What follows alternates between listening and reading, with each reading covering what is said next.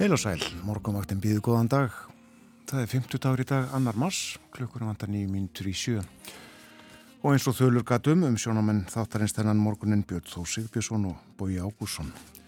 Við fylgjum eitthvað til nýju og það er ímislegt á daskæði á okkur í dag.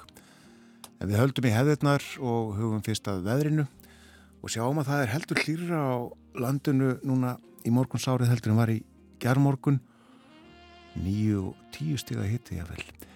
En fimm stiga hitti í höfuborginni og uh, lötur hægur vindur tveir metrar á sekundu andaði aðeins að austan skíjað. Sjögráður á Kvanneri, 6 stiga hitti í stikkisólmi þar var létt skíjað, 8 metrar suðvestanátt, 7 stiga hitti á Patrísfyrði, 9 stigi í Bólungavík og suðvestan 10 fór í átjóni mestu kviðu. Sjögráður á Holmavík, 6 stig á Blönduósi og 10 stig að hiti við Söðunarsvita. Sunnan 11 þar. Sjögráður á Akureyri, létt skíjað, 6 stig á Húsavík, 3 stig að hiti á Rauvarhöfn. 4 gráður á Skjaldingstöðum en svalara á Eilstöðum, 2 stig á Frost þar, heiðskýrt. Og hiti við Frostmarkið á Höfni Hortnaferði. Tveikjastega hiti hins vegar á bæði kvískerjum og kirkjubæðaklustri og 6 gráður á stórhauðaði Vesmanægum. Austan 2 metrar þar. Við höfum ekki upplýsingar um hitastíði árnesi. En svona viðraði klukkan 6. Og, fær... og færðin, eh, það verðist víðast vera fært. Vegagerðin var alveg hálkublettum á Dinjandis heiði og uh, á Dettifossvegi og á Suðausturlandi eru hálkublettir og skeiðar og sandi en annars virðist færðin á landinu vera mjög góð með það að það er marsbyrjun og það er enþá miður vetur á Íslandi. Akkurat. En það verður suðvestan átt á landinu, uh, vindræðin 8 til 15 metrar á sekundu eitthvað svoleiðis uh, hægarið þó sunnalands dáli til væta af og til en lengsta þurft og bjart á norðaustur og austurlandi. Og heiti frá þremur stegum að nýju að það dregur úr vindi setnipartin. Það verður sannsagt alveg ljómandi veður uh, víða og sérstaklega á norðaustur hornilandsins. En á morgun förstu dag þá verður hæg breytilega átt skýja með köplum yfirleitt þurft stöku skúrir sunnun og vestan til hitti á morgun 2-6 stig kringum frostmarkiðum landið norðaustuvert. Það er að breytast og verður svo frost eftir helgina. Já, eigum við að fá okkur smá músík af þessum mótni björn? Endilega. Joni Mitchell fekk Görsvin velunin í fyrra kvöld. Það er bandaríska þingbókasafnið Library of Congress sem að veiti þau fyrir æfi framlag til tónlistar. Meðal fyrir velunina hafa málefna Paul McCartney, Paul Simon, Burt Bacharach, Carole King, Stevie Wonder og Willie Nelson. Mitchell sem fættist í Kanada var fyrst fræg á 7. áratug síðustu aldar og hefur samið fjölda á flutt vinsætla laga Meðal þeirra má nefna Both Sides Now sem að raunar er eftir Judy Collins.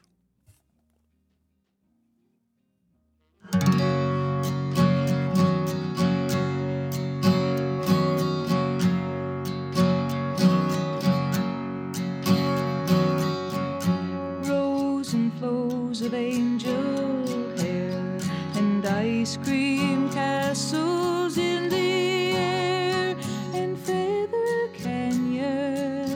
everywhere.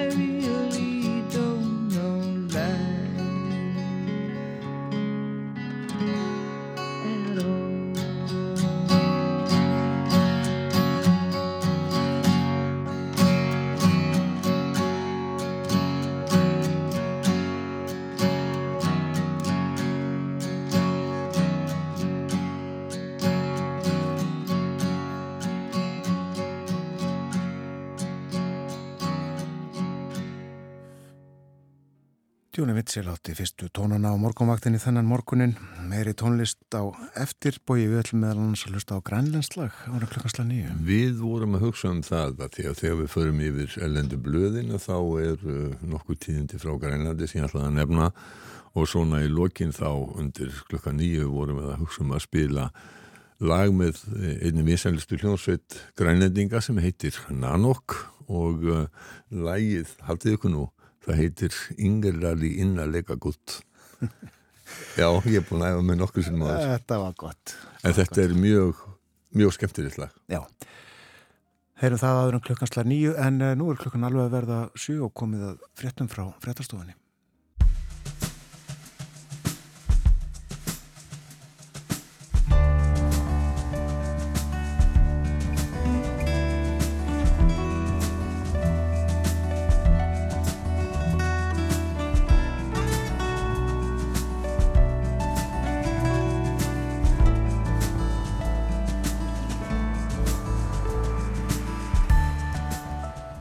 Góðan að blessaðan daginn, morgun vaktin heilsar, það er 50 dagur, annar mass. Umsjónamenn þáttarins í dag eru Björn Þór Sigbjörnsson og Bói Ágússon. Meðal þess sem við fjöllum um á þessum morgni er að Klaus Jórt Fredriksen, fyrirverandi fjármála og varnamálar á þeirra Danmerkur, hefur verið ákærður fyrir brot á hegningarlaga ákvæði um landráð. Saksóknara hafi ekki gefið upp nákvæmlega hverjar sakargiftirnar eru og réttarhöldin eiga að vera fyrir luktum dyrum. Þetta mál hefur vakið gríðarlega aðtegli í Danmark og Gísli Tryggvason landslógmaður, hann fylgist mjög vel með dönskum stjórnmálum og við ætlum að ræða við hann eh, eftir klukkan hálf átta um mál Klaus Hjort Freyrisens. Og svo komum við yngað heim, það stendur mikið til á keldum og keldna holti í Reykjavík þar á að rýsa þjett og blönduð byggð með íbúðum, þjónustu og atvinnuhúsnaði. Fyrir er þar tilrunastöð Háskóla Íslands í meinafræði með sínum húsakosti og túnum og hvað ætli verði nú um þá starfsemi í nýja skipulæginu? Við spyrum að því eftir morgunfréttir Kristín Kalmansdóttir framkvæmtastjóri stöðvarinnar á keldum kemur þá til okkar.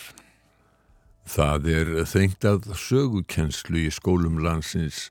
Það eru dæmi um það að nemyndur sem að koma upp í háskóla og hefja námi í sagfræði að þau hafi ekki tekið einn einasta áfanga í sögu uh, af þeim áfengum sem er í bóði í þeirra skólum. Það er engin ekkert á námskráni lengur sem heitir sögukensla Íslandsaga eða mannkinsaga. Sakfræðingafélag Íslands helt fjölmennan fund um sögukenslu í Neskirkji fyrir kvöld. Við ætlum að ræða við uh, Margrét, Súsunnu Margréti Gestdóttur sem er lektor við mentavísindas við uh, Háskóla Íslands. Mikilvægt að kunna söguna. Já, það er uh, sagt að uh, sá sem ekki kunni söguna sé dæmdur til þess að endur taka gömul mistök. Akkurat. Og það verður söðvestan kaldi eða stinningskaldi á norðanverðurlandinu í dag. Annars hægari vindur, dáli til væta og víð og dreif en lengst af þurft og bjart á norðaustur og austurlandi.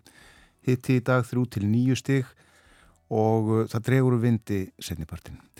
Og morgun förstu dag verður hægur vindur víðast hvar uh, skíja með köplum, yfirleitt þurft en síðdeis má búast til stöku skúrum og sunnan og, á sunnan og vestanverðurlandinu og það kólunar heldur á morgun. Förum aðeins út í heim, kallt við að hitti við frostmark í Kaupmannahöfn, fjúrastega frost í Oslo, hitti við frostmark í Stokkólmi og Helsingi, fjúrastega hitti í Þósöfni færiðum, áttastega frost í Núk, þar er ennþá nótt. Og einstir frost í Paris, þryggjastega frost í Berlin. Það er greinlega hlýjast á Íslandi. Og um, það er, um, já, ég sá það þegar ég var að horfa fótbolltaleg á Breitland segjum í gerðkvöldi að það er helli ringdi og uh, ískalt og helli rignir en svona eru breytar vannir að spila fótbollta. Svo sá ég raunar í frettum í, í Nóri að það eru menn að uh, velta fyrir sér að lengja knarsbyttu tímabilið og spila lengur fram á vetur og Danir voru nú á Damarsræti og voru að henda gaman að þessu og segja að normin ætlaði að spila fótbolta í 25 stegar frosti en það getur orðið býstna kallt norður í Trómsö Það er rétt.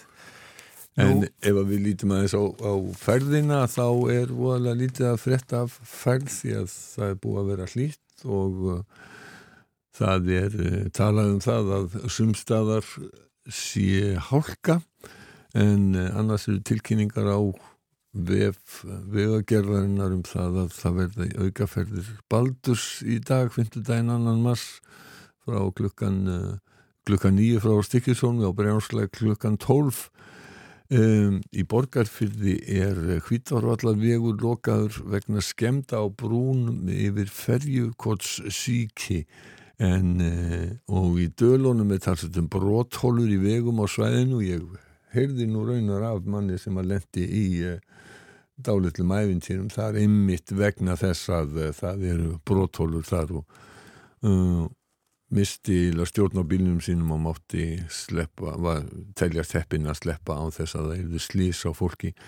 Á vestfjörðum að þá er eh, talað um það að eh, vegurinn í gegnum Arnarneshamar á Súðavíkullíð sé einbreyður og hraðin tekið nýður vegna grjóthrunds og þar eru vegfænendur beðnir um að veita þessu aðtikli og aka um með gát maður er náttúrulega alltaf að aka um með gát.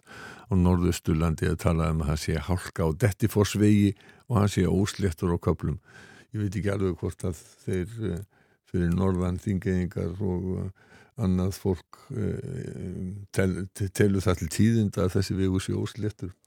Þú, þú þekki betur til þar heldur, heldur ég björn.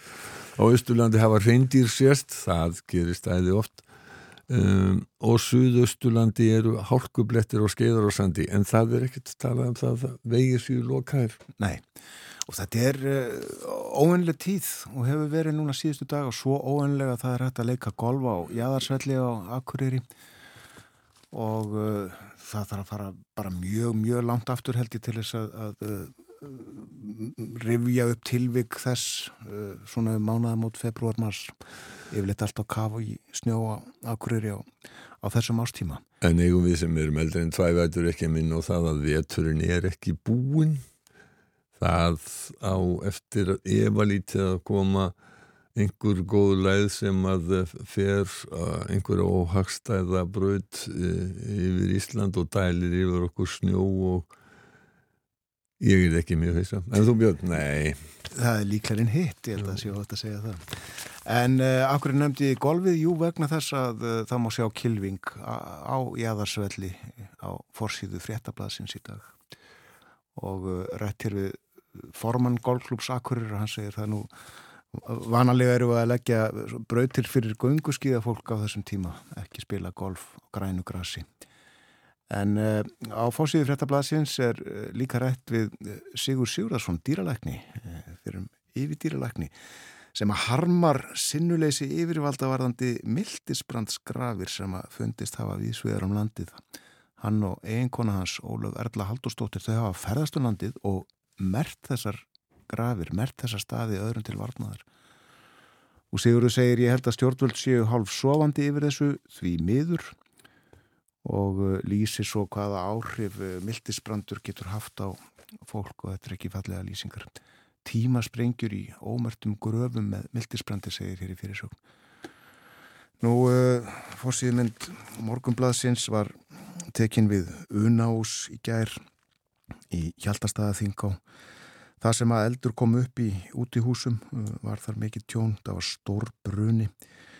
Kviknaði á í fjárhúsi með þeim afleðingum að þar fóst á þriðja hundrað fjár og uh, það var rætt við Yngvar Birki Einarsson sem er varaslökkvilistjóri í Brunavarnu Östurlanda. Uh, sagði að slökkvilistarf hefði gengið ágætlega, lið hans nöyt fulltingis slökkviliðsins á Borgafyrði Eistri og komum 15 mann, manna lið að slökkvistarfinu. Fólk ferðið mitt uh, þarna framhjá þegar fariðir til Borgafyrðar Eistri og Við það er gengið þarna líka í gegn uh, ef fólk fer í Stapavík svona svo er henni að gera aðeins grein fyrir þessu en hræ, hræðilegur þessi eldsúði hann var uh, skelvilegur og um, við sáum það í sjónvarsfrettum í gær að fólki var mjög brugðið við uh, þessa atbyrði. Já. 250 fjár og 12 geitur, ef ég maður rétt. Nú, uh, svo er yfir uh, stöðuna í kjara deilunni og deilunum sem að uppi eru uh, Ástráður Haraldsson tilkynnti í gær um að náðst hefði samkomlag milli deilenda um að, að hann legði fram miðlunartillugu og uh, það er gerð grein fyrir henni á vefríkisáta sem er að hægt að lesum hana þar, þar fer líka atkvaða greiðslan fram, hún hefst í hátteginu og morgun og, og uh, stendur eitthvað fram í næstu viku. En uh, kjóskar á eblingar fundin. hún er fundin hún er fundin en svo kom fram í gær að og eins og segir hér í morgunblæðinu bakslæfurist vera komið í viðræður samtaka ofnbæra starfsmanna BSB, BHM og KI við launagreðendur ríkis og sveitafélaga en það átt að funda í gær en uh, fundi skyndilega aflýst og uh, það frumkvæði formann samningarnefnda ríkisins. Já, og uh, í, í rauninni ekkert trest hvað, hvað gerðist. Ég var lítið til útlanda. Turkiska sjónalistar udræts för brott eftir júlbefningen er fyrirsögn SFT í Svíþjóð. Þar greinir fréttamaður þeirra í Tyrklandi frá því að allmargir tyrkneskir bladamenn hafi verið handteknir vegna umfjöllunar um jarðskjáltana skelvilegu eða bara fyrir að hafa tekið viðtöl við viðmælendur sem að gaggrindu sein viðbröð yfirvalda og björgunastarfið þá hafi yfirvöld lagt halda á myndavélar og eðilagt upptökur á valdatíði Recep Tayyip Erdogans uh, Tyrklandsforsetta hefur verið saumað mjög að sjálfstæðum stopnunum í landinu, háskólum, domstólum, domstólum og ekki síst fjölmiðlum. Sko, samkvæmt nýjum lögum þá er yfirvöldum í lóa lagið að fangels á dæma bladamenn fyrir eiginlega enga sakir. Svo hafa tyrkneski yfirvöld sett lögum að það sé refsivert að dreifa falsfréttum og raungum upplýsingum og auðvitað eru það yfirvöld sjálf sem ákveða hvað fellur undir þá skilkreiningu. Já, svo mikið víst að ég er ekki á leið til Tyrklands á, á næstunni. Grískir miðlar fjalla á þessum modni, já, við skulum aðeins meira á sænsku miðlum, sænska sem var spyrir greini líka frá því að nú sé svo komið að samkvæmt nýri konun að þá séu kristdemokratatnir, KD, einn stjórnarflokkana í hægri stjórninu þar með leggsta fylgi í fimm ár og ef hvort væri núna, það verður ekkert hvort núna, að þá kemist þér ekki inn á þing, næðu ekki yfir lámarkið. En grískir miðlar fjalla á þessum mótnum lestaslýsi skelvirar sem var í gær 43 fórust. Það voru mótmæli í Thessalóniku, Athenu og, og Larissa sem er næri sliðstæðnum Það kom til átaka við aðalstöða grísku jábrutana. Mótmælendur segja að uh, lélegt viðhald á jábrutakerfinu hafi gert þetta slís óhjákvæmilegt. Það yrði stórslís einhver tíman. Í leiðar Economist í Breitlandi er lagt til að nýgerður Windsor rammið svo kallaður Windsor Framework til lausna deilónum um framkvæmt Brexit samningsis á Norður Írlandi verði samþyktur. Þetta sé skásta lausnin á þeim vanda sem komu upp með úrsök breyta ára Európa-sambandirum. Þessi vandi hann liggur í því að það fer ekki saman að vera hluti í stóra Breitland sem jafnframt með opin og eftirlislaus landamæri við ESB og í raun hluti af innri markaði Európa-sambansins. Um, Íska líðveldið er deilir Írlands eigu með Norður Írlandi og þar uh, þykir mönnum líka á að landamæri séu opin og ekkert totla eftirlit. Samkvæmt uh, því að Boris Johnson fyrirvændi fórsættis að hann taldi sig að hafa hokkið á hnútin en hans löst gekk ekki upp því samkvæmt henni þá þurfti að tollskoða vörur sem komum frá Breitlandi til Norður Írlands það er björn svona svipað og við þurftum að hafa tolla eftirlítan borði í herjólfi. Akkurat. En þetta er uh, nokkuð afreikar talið í Breitlandi hjá Súnak að ná þessu saman? Já, ef að hann fær þetta samþýtt og það Economist er, er uh, eindrið að hvetja aðalega samband sinn á Norður Írlandi sem eru tólþrygnir og harlínu brexitista íhalsfloknum til þess að fallast á þetta samkomuna. Ef að það teksta þá er það alveg hárétt hjá og þá verður það umtalsvægt afreg fyrir Súnak og meira heldur en Boris Johnson gatt eða Liz Truss en hún var náttúrulega ekki um einhverja fimm vikur og Nei. fimm skelvilega vikur. Uh, önnur bresk blöð þau fjalla talsvertum leka uh, úr rannsókn á viðböðum við COVID-faraldrinum sem þau segja að drægi úr trúverðuleika rannsóknun Telegram kom með þá bombu í gæra Matt Hancock þáverandi heilbreyðsráþra hefði hundsað tilmæli sóttvarnar yfirvalda að láta skíma fólk á dvalarheimilum en mikil fjöldi íbúar slíkra heimila, hann lést í fyrstu bylgi faraldusins í Breitlandi. Ef við vikið með þess að grænlenskum miðlum, Sermitsiak og KNR, þá hafa þeir verið að fjalla um undanförnu rannsókn og stöðu fólks á austur Grænlandi. Það er búa um 4000 manns og flest eru þau í Tassilak sem áður hér Angmaksalik og uh, samkvæmt niðurstuðinni þá finnst fólki á Vestu Grænlandi þau einangruð áhrifalös og afskipt frá vestur hluta Grænlands Östugrænlendingum finnst stjórnmálavenlansins vilja það og vettu í og telja tungumáli meðal hindrana en östurgrænlenska er ólík vestugrænlensku sem að oppi grænlendinga talar. Vesturgrænlenska og danska er notuð í skólum í, í Tassilak og, og Kulusuk en rannsóknin er doktorsverkefni og Lunuguak Markusen sem að segja ljóst að tilfinning íbúan á Vestu Grænlandi fyrir vanmætti sínum útilokun komið vekk fyrir þróun svæðisins og uppbyggingu. Um, Þetta kemur þeim sem hafa fylgst með á Grænlandi ekkit sérstaklega á óvart. Það má benda á það að Halla Ólafsdóttir, fréttamaður okkar á Rúf, sem hafa fréttamaður á Vestfjörðum meðal annars og hefur verið í landanum og víðar. Hún skrifaði um þetta fyrir nokkur árum. Uh, Það má finna fréttaina frá 2016 á, vef okkar þar sem hún hefur eftir hrafni hittnum jökulsinni að uh, fáir átti sig á því að Östuströnd Grænlands að, að á Östuströnd Grænlands búi sérstök þjóð, hún er mjög fámenn innan við fjögúst manns. Þetta sé bæði afskektasta og uh, þetta sé afskektasta og afskiftasta þjóð Norðurlanda sagði hrafnöytin þá hann þekkti þetta gríðarlega vel til á, á Grænlandi, kom marg oft til Östu Grænlands með skákfélagi sínum próknum og Halla sjálf þekki líka vel til á þessum slöðum hún valdi þarna í nokkra viku þegar hún var í mannfræðinámi við Berlín háskóla Grænlandu þetta ógnar stort. Grænland er ógnar stort og bara svo að fólk átti sig á því að, um, að Anmasak liggi eða, eða Tassilak og Kulusuk þarna á Östuströndinni það er um það byrj jafnlangt til Núk, höfustada Grænlands og það er til Reykjavíkur Frá Kúlusúk. frá Kulusuk Já. þannig að uh, við skulum muna það að þetta er það útland innan gæsalappa sem er næst okkur reykvíkingum og, fólki á Vesturlandi því að ég veit ekki núna hvað það eru fljótar að fljúa uh, uh, vélar flugfélagsins sem að fljúa til Kúlusúk en allir að sé kannski svona einn og hálfur mestalagi tveir tímar. Já. einn og hálfur gæti ég ímynda mér þó ég, þó ég eh, viti það ég nú ekki uh, nákvæmlega.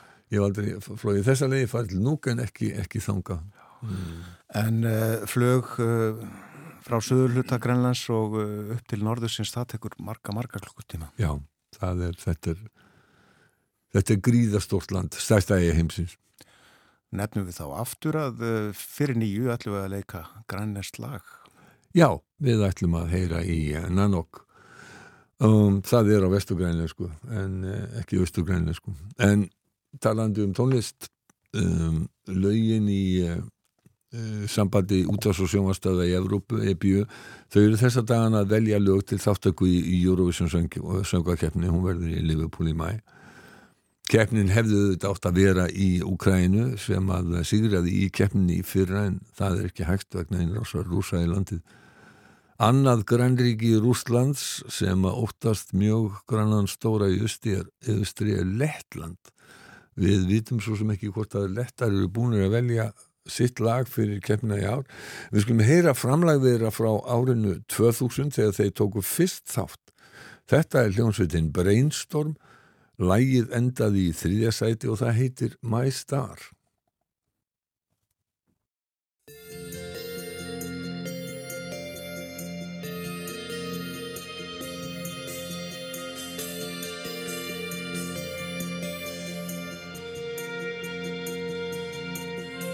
My friend's gonna call me hey dreamer The stars are watching us so far Tonight I know I will get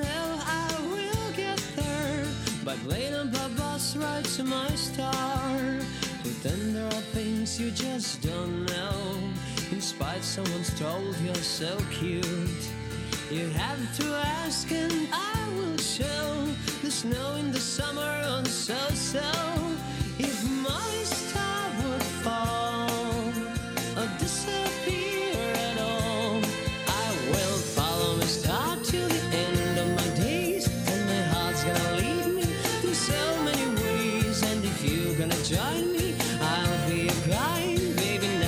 Never.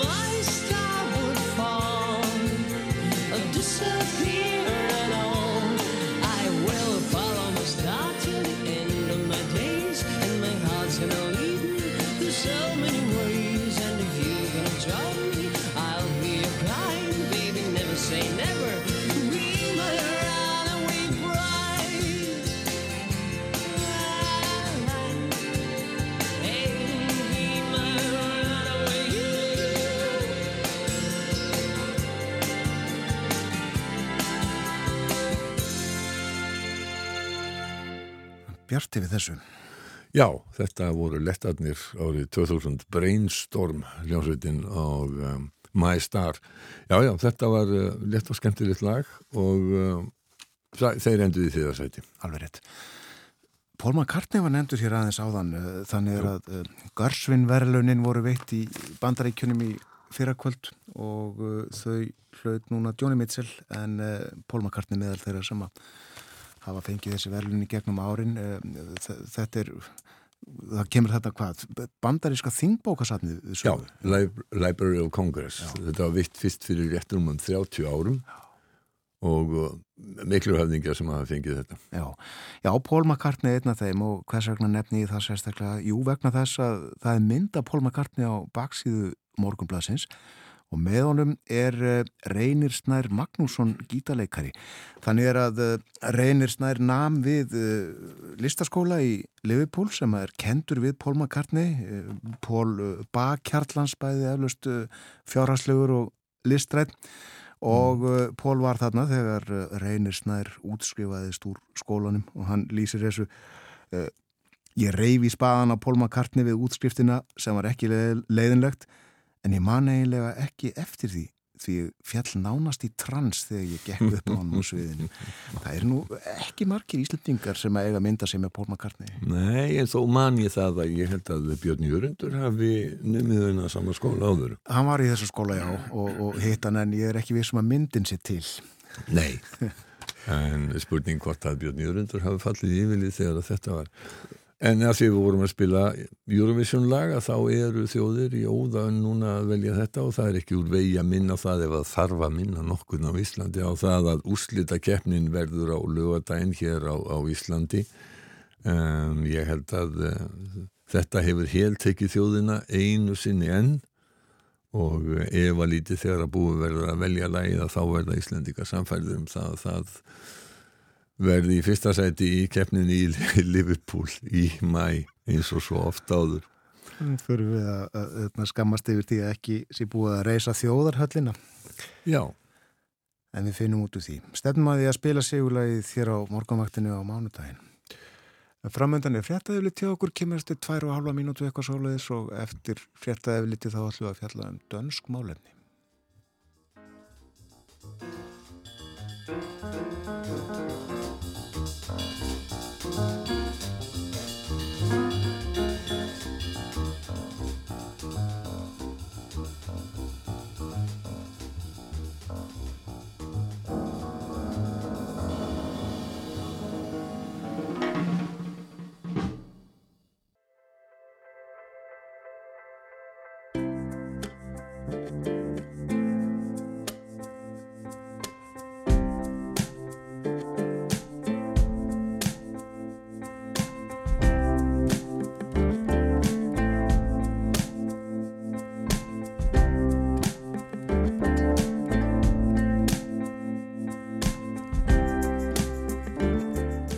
Sæl aftur þegar það hlusta á morgumvaktina á rás 1. Það er 50 dagur í dag komin annar mars, klukkan réttliðlega hálf átta um sjónamenn þáttarins Bói Ágússon og Björn Þór Sigbjörnsson þennan morgunin.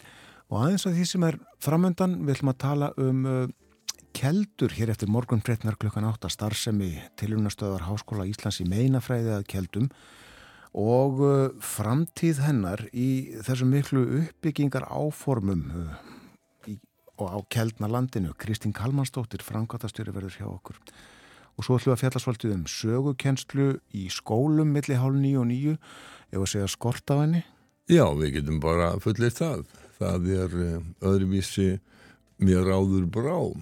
Nú er uh, svo sögukensla sem fer fram hluti af, já, alltaf þess ekki samfélagsfræði, uh, samþætt á landafræði og, og sögukensla og og um, áhuga fólki um sakfræði sögu þjóðarinnar bakgrunn okkar alla finnst já, þau eru ekki mjög ánæð með uh, þetta ástand. Nei, meira en þetta á eftir uh, veðurspáinni svona suðvestan 8 til 15 metrar en hægari sunnalands það verður dáli til væta af og til lengst af þurft og bjart á norðaustur og austurlandi. Hitti í dag að nýju stigum svo dregur úr vindi setnipartin Í Danmörku er mjög til umræðu þessa dagana mál Klaus Jort Fredriksens sem er fyrirhandi fjármála og varnamálar á þegar hann er þungavikta maður í stjórnafloknum venstri. Hann er hættur á þingi núna en uh, hann hefur verið ákjærðu fyrir brota á hegningalega ákveðinu um landaráð.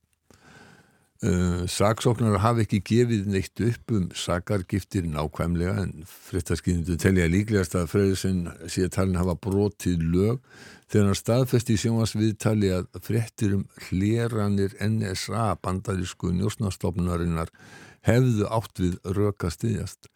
Þetta mál uh, á eiginlega rættu sínar í því þegar að uh, bladamenn í nokkur löndum komu upp um uh, þessa njósnarstarfsemi, þetta var mikill skandal á sínum tíma, kom meðal annars í ljós að bandaríkjumenn hefðu verið að njósna um uh, uh, nána bandamenn eins og Angelu Merkel, hlera þar og þótti svona ekki mjög pent eða kurtist og margt af þessum njósnum fór fram með því að, að hlera kapla sem að lágu um Danmörku.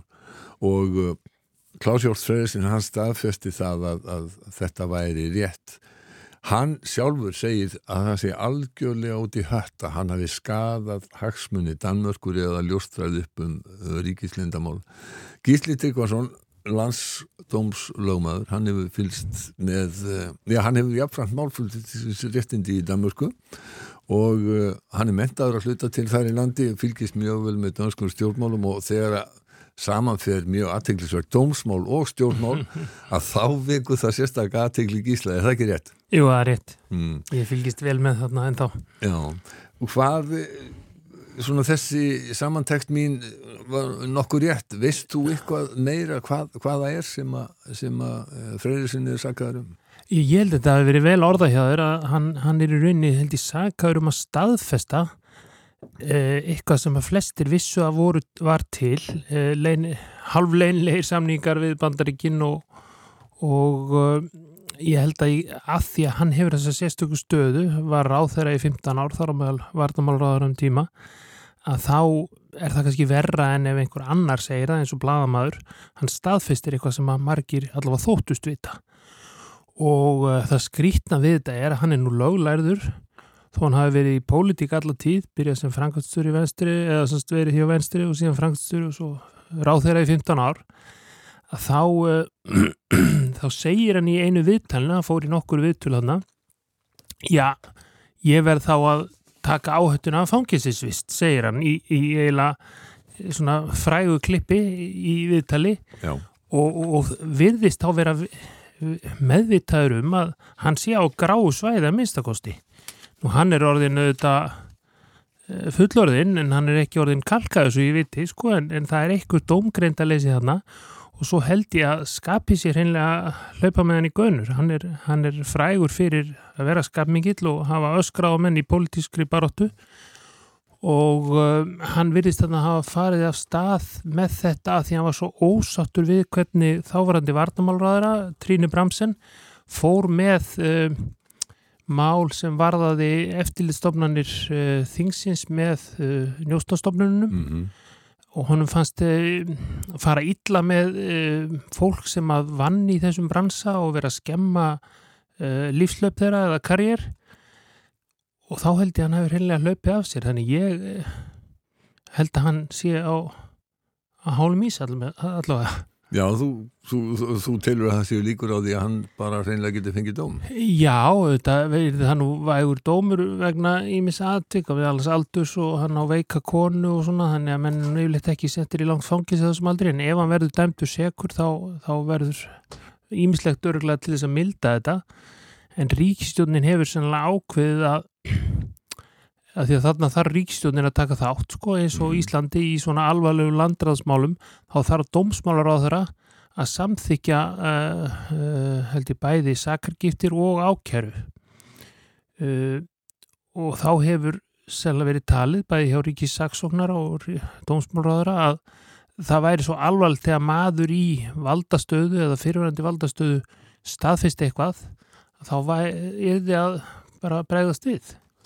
En sko, að því að þú varst að vísa í uh, meðferð já, yfirmanna leinið þjónustu stopnana Danmerkur og Tínu Bramsen og kannski rétt að taka það fram að Tína Bramsen, hún rökklaðist nú eiginlega úr embætti varnamálur á þeirra mm -hmm. og var, var, hérna, var færð nýður í svona gókunaröð uh, ráð þeirra uh, og þótti ekki standa sig já, gríðarlega vel, eh, getum við sagt en, en danska stjórnin, hún sætti mikill í gaggrinni svona almennt vegna, vegna njósnamála ekki síst handtök og ákæru á, á Lars Finnsen sem var yfirmaður leinþjónustu danska hersins forsvarins eftirreitningstjenesti og þá voru meðal þeirra sem að gaggrindu stjórnina hvað harðast voru Anders Fogh Rasmussen sem að er fyrirvændi fórsættisráþura og formaður venstri uh, á sínum tíma og Uffe Ellemann Jensen sem var, utan manna þá lífi þegar þetta var sem var sömulegis formað, formaður venstri uh,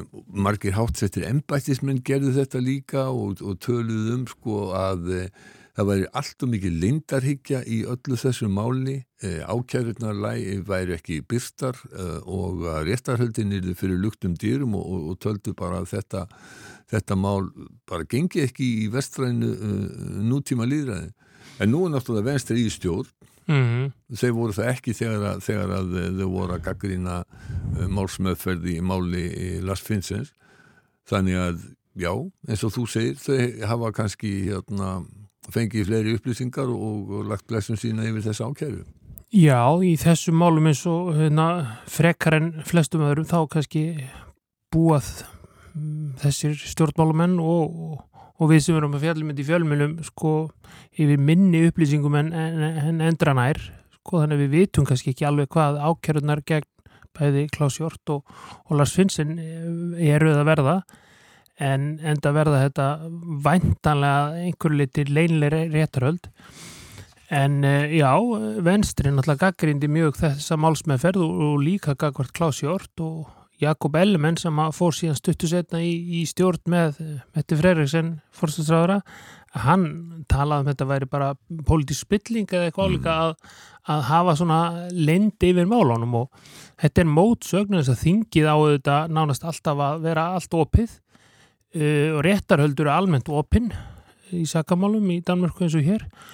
Eh, en svona mál eiga að fara lengt þannig að þetta er dilemma og eins og við rættum held ég síðast hefur við rættum að þá fannst mér svolítið skrítið að þeir hefur hreinlega ekki þakkað þetta niður en það væri kannski bara best fyrir leini þjónustu samstarf band, Danmerkur og Bandaríkjana að, að vera ekki að blása þetta upp. En þeir hafa blásað þetta upp á marganátt fyrst með þessari skýslu eftirlitsnefndarinnar. Mm -hmm.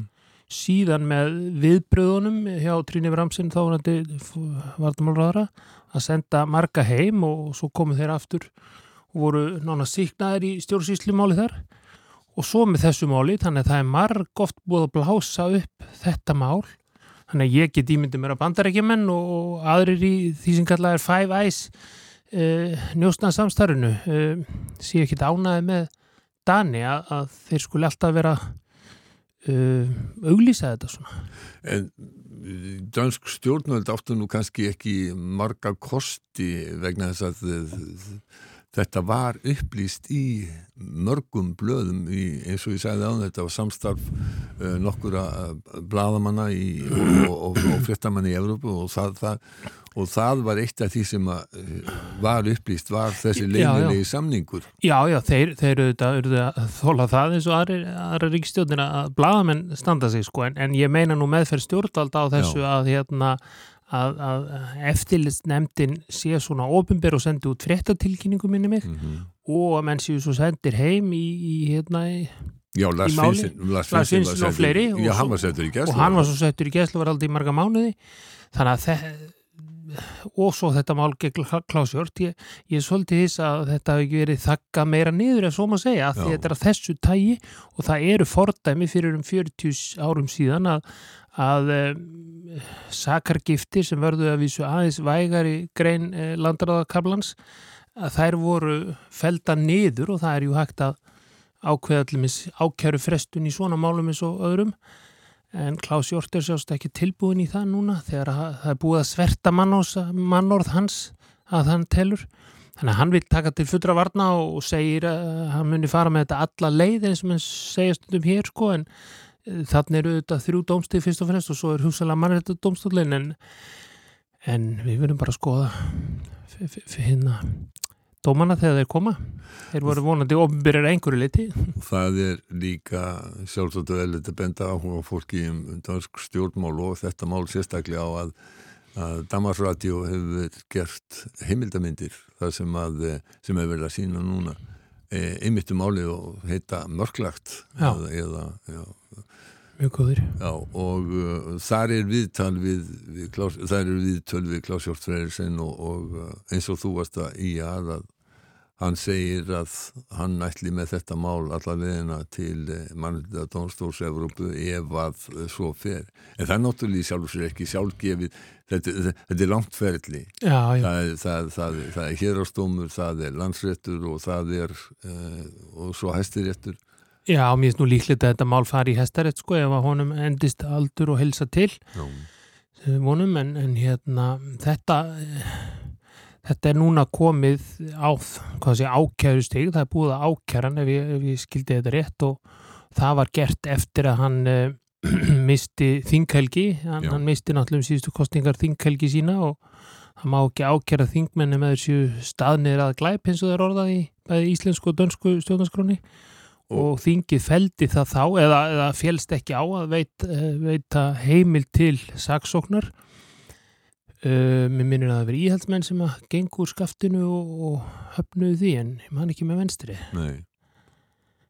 en það var svolítið erfitt og það er svolítið sérst að það sé síðan að þetta bara taka um máli aftur þegar þingmaður er búin að missa þingilgi því að þetta er þó afbrót sem hann framdi ef afbrót var eh, meðan hann var þingmaður Eh, þetta ákvæði í, þú veist að minnast á það að dansku íslensk lög eigi ímislegt sameigilegt og mm þetta ákvæði í dansku stjórn, eh, í danskum hegningalögum um brot uh, sem að uh, varða við, já sem að eru landráð. Eru íslensk lög samskonar hvað þetta varða Já, þau eru ekki alveg samhljóða en, en þau eru svipuð eh, í dönsk, dansk ákvæðinu sem er svipað eh, er refsiraminn 12 ár, hér er nú refsiraminn 16 ár og það er, eh, já, 91. grein almennara hegningalega sem hljóðar svo í fyrstu málskræn hver sem kunngerir, skýrir frá eða lætur á annan hátt uppi við óviðkomandi menn, leynilega samninga, ráðagerðir eða álíktanir ríkisins um málumni sem heill þess eða réttindika hvort öðrum ríkjum eru undir komin eða hafa mikilvæga fjárastíðingu eða viðskipta fyrir íslensku þjóðunega hvort útlöndum skal sæti að fangilsi alltaf 16 árum. Þetta var nú ekki léttmyndi.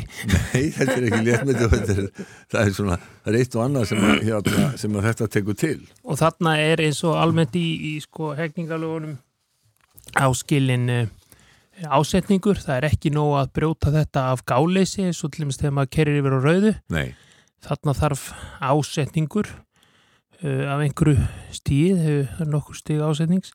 e, að vera fyrir hendi og það verður sjást eitt af því sem verður tekist á um í þessu dómsmáli. Heldur að uh, þetta geti hugsanlega haft einhverja pólitískar afleggingar þetta mál?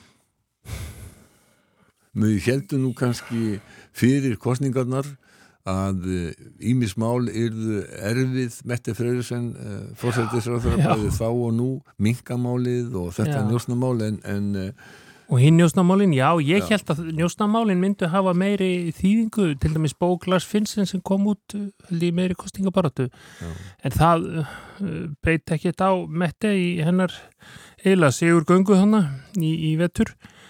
Uh, já, ég held þetta eftir að hafa meiri pólitíska þýðingu. Þetta hafði nú tölver pólitíska þýðingu, ég meina margir í venstri voru ósáttir og verða það áfram en, en það kannski rennur svolítið saman við að margir hafa verið að gaggrina ríkistjóðinu og ég vil ganga úr ríkistjóðnuflokkunum út af kongsbænadagsmálinu sem var nú klárað í gær eða já, og um, já, það fyrir kannski eftir hver niðurstaðan verður ef að niðurstaðan verður að menn verða síkna eða sérst, hann eða og fleiri þarna landsfinnsin verða síknaðir í stónu stíl, þá verður það örgulega með pílnett fyrir ríkistjóðinu en eða verða sakfældir þá verður það kannski minni pólitíska þýðingu En þetta er það langt ferli að það kannski verður líðin uh, ríkistjórnatíð uh, Mette Freyrusen þegar að endanlega niðurstaða kemur í hæslariti í Danmarku. Nei, ég býst nú ekki við að ef að, að ríkstjóðin sittur í fjögur ár eins og stemtir aðheldi þá held ég nú að það ætti að vera búið að dæma þetta á tveimur, ég vil þremur domstigum sko. Já. Þó þetta sé flóki þá er þetta nú kannski ekki sko þungt í vöfum að, að fjallum þetta, þetta er ekki þannig stort mál Já, einmitt. það, það er ekki sko tugi vittna og, og þúsundir skjala giska já sko Nei, einmitt, einmitt. Eða Gísli Tryggvason, kæra þakkir fyrir að koma hingað á morgunvaktina og uh, leið okkur, já, svona upplýsa okkur um þetta mál, sérstaka mál í, í Danmörku. Við ætlum að halda okkur í Danaveldi. Takk fyrir Takk. Uh, Þar er uh, tónlistamæður sem heitir Sebastian sem átti fyrir nokkrum uh, árum fyrna vinsælt lag og uh, kannski að uh, Klaus Hjort Freyðursen hann spili þetta sér til hugarhestingar núna því að það heitir Þú ert ekki einn, þú er ekki alene.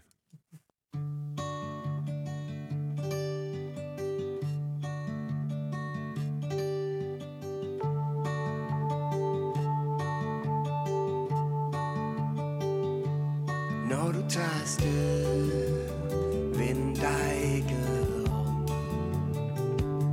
Der er ingen vej tilbage, hvorfra du kom. Alle deres remser, dem kan du udenad. Du kender deres mistro og had. Og du som intet ved, og dog har fået alt. Du ved som nok det hele, det er dyrt betalt. Hvis der er en sandhed, skrevet sort på hvidt, er det den, at ingenting er dit. Du er ikke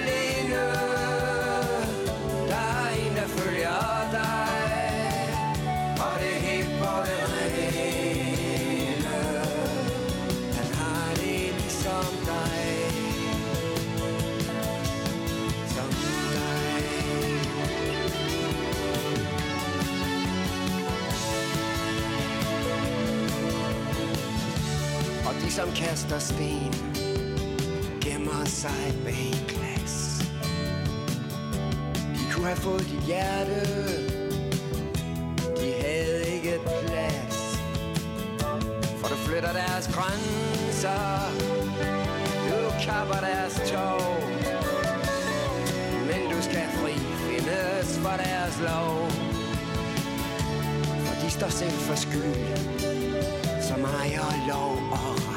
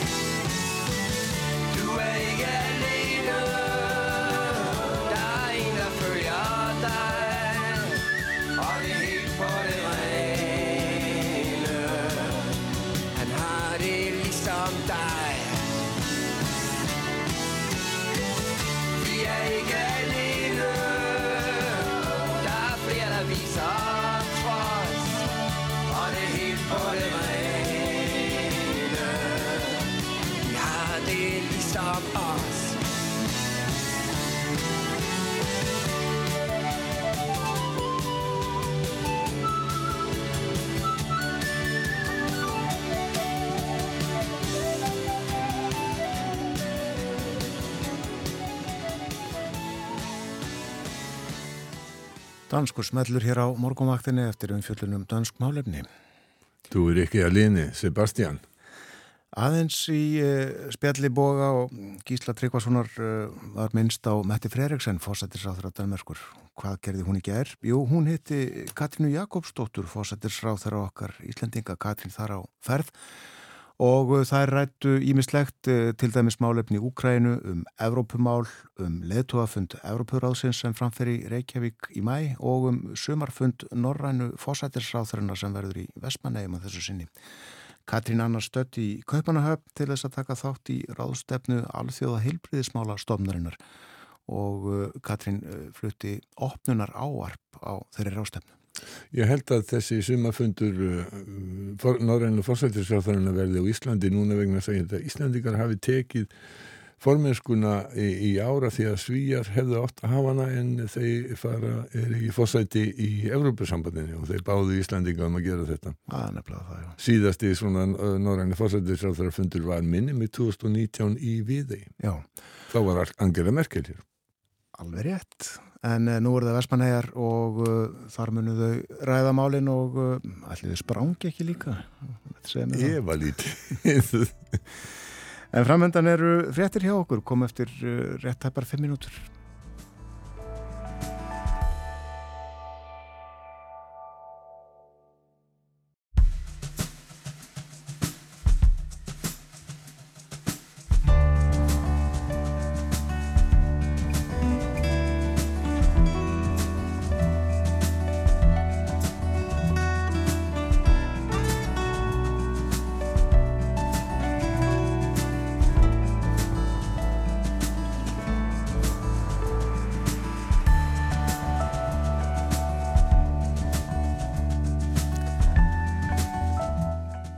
Sæl aftur þeir það hlusta á morgunvaktin á rás 1 klukkan farin að ganga nýju.